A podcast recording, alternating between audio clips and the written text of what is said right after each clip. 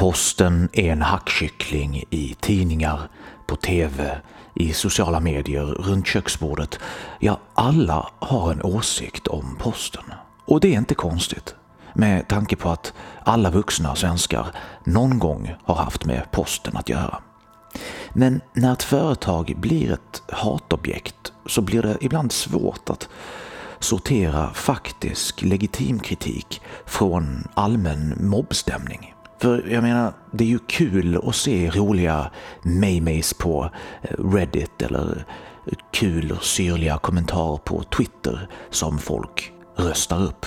Och för att vara ärlig så finns det säkert de som inte haft några som helst problem med posten. Och sen finns det de som eh, i princip alltid får problem när de har med posten att göra. Jag är väl någonstans där mittemellan. Min vanliga post brukar komma som den ska. Men när det gäller paket, ja, då är det några enstaka gånger som paketen faktiskt levererats dit de ska. Det är ett undantag i mitt fall. För min del är det inte så enkelt som att beställa och betala för hemleverans och sen faktiskt få sitt paket levererat hem. För er som inte känner igen er i den beskrivningen så går det till ungefär så här för min del och andra som råkat ut för samma sak som jag. Man beställer någonting på nätet till exempel och väljer hemleverans av paket. Sen möts man av en lapp i brevlådan där det står att brevbäraren försökt nå mottagaren men inte lyckats. Där står också var man kan hämta sitt paket och oftast är det i en tobakshandel i närheten. Men sen lärde jag mig att vara väldigt noga med kod, lägenhetsnummer, telefonnummer, ja allt som bara kunde uppges för posten för att det inte skulle bli några som helst missförstånd. Men även då fanns det dagar då jag var helt säker på att jag varit hemma hela dagen och ändå på slutet av dagen så kollade jag min brevlåda, eh, en sån här som är på bottenvåningen. Och lik förbannat hittade jag den här lappen om att de inte kunnat nå mig. Så den här gången, när jag skulle beställa ett par hörlurar, så såg jag till att noga förbereda posten på alla tänkbara scenarion. Förutom fullständigt namn och postnummer, adress och så vidare, allt sådant man såklart måste ha med, så uppgav jag fullständigt telefonnummer, lägenhetsnummer, våning, och för att vara säker på att inga missförstånd uppstår så ringde jag posten för att dubbelkolla att de verkligen har min kod, rätt adress och mitt telefonnummer som de kan ringa när de vill ifall några som helst problem skulle uppstå. Och jag såg till att vara hemma hela dagen. Jag såg till att inte ens sätta igång kranen. Det skulle inte finnas någon risk för att jag skulle missa dem eller inte höra att de knackar på eller ringer på. Det här var dagen då posten på intet sätt skulle kunna påstå att de inte kunnat få tag på mig. Och när dagen var slut så hade jag fortfarande inte fått mina hörlurar. Och just när jag tänker det så får jag ett sms från posten. Posten har försökt nå mig, men utan framgång.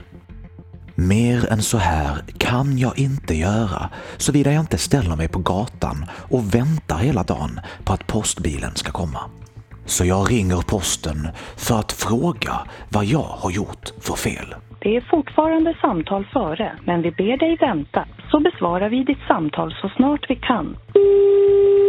Det tar lång tid. Rösten säger inte vilken plats i kön jag har, så jag väntar i ovisshet. Och efter ungefär fem minuter blir det helt tyst och förblir tyst i två minuter och 20 sekunder. Helt tyst, ingen signal, ingen röst som berättar att det snart är min tur. Men jag ser att samtalet fortfarande är igång, så jag väntar. De ska inte få mig att lägga på, tänker jag. Och sen kommer signalen äntligen tillbaka och rösten säger att det snart är min tur. Vi arbetar med att kunna ta ditt samtal så snart som möjligt.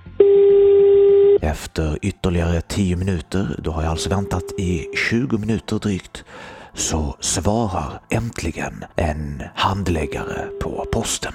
Spårningsnummer 1318.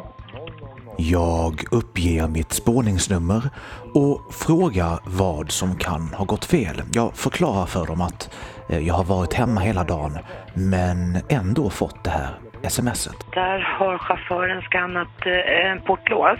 Och kvinnan i andra änden är jättetrevlig och lyssnar på vad jag har att säga och jag berättar ju det att jag dessutom ringde och uppgav mitt telefonnummer eh, och berättade att om det är någonting så kan de ringa mig. Okej, det vet inte jag om chauffören han få den informationen. Först menar hon att eh, jag kanske ringde för tätt inpå, men så var det inte. Det var veckan innan jag ringde. Och när ringde du oss idag då, eller? Förra veckan, nej förra, Förra veckan.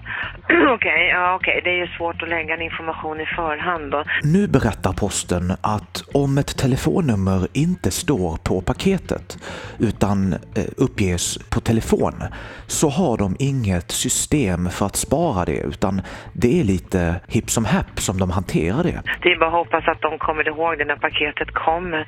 Det där är ju jättesvårt när det inte står på paketet.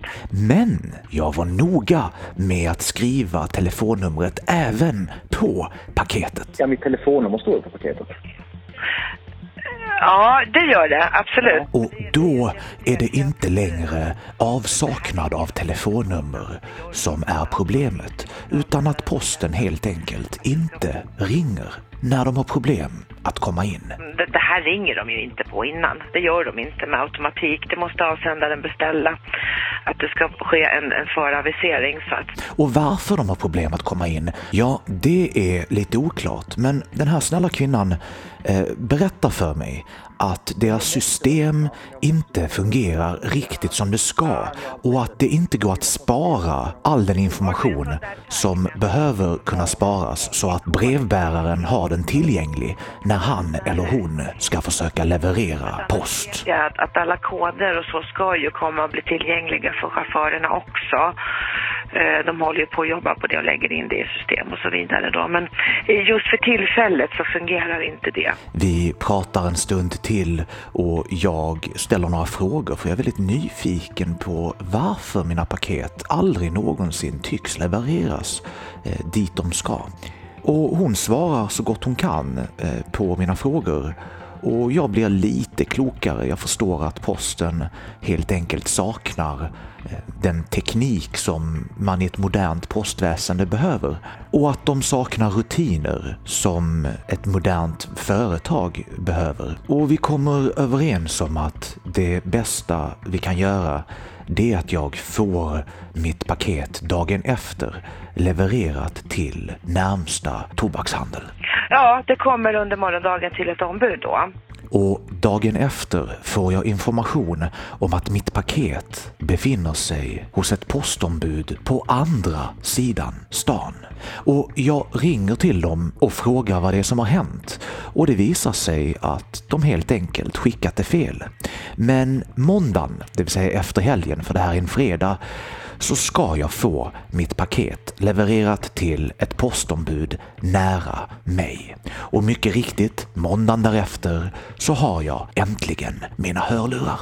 Och inte långt efter den här incidenten så kommer Svenska Dagbladet med en artikel. Och den artikeln blir en stor pusselbit i det här återkommande mysteriet. Rubriken lyder Posten erkänner har struntat i att leverera paket.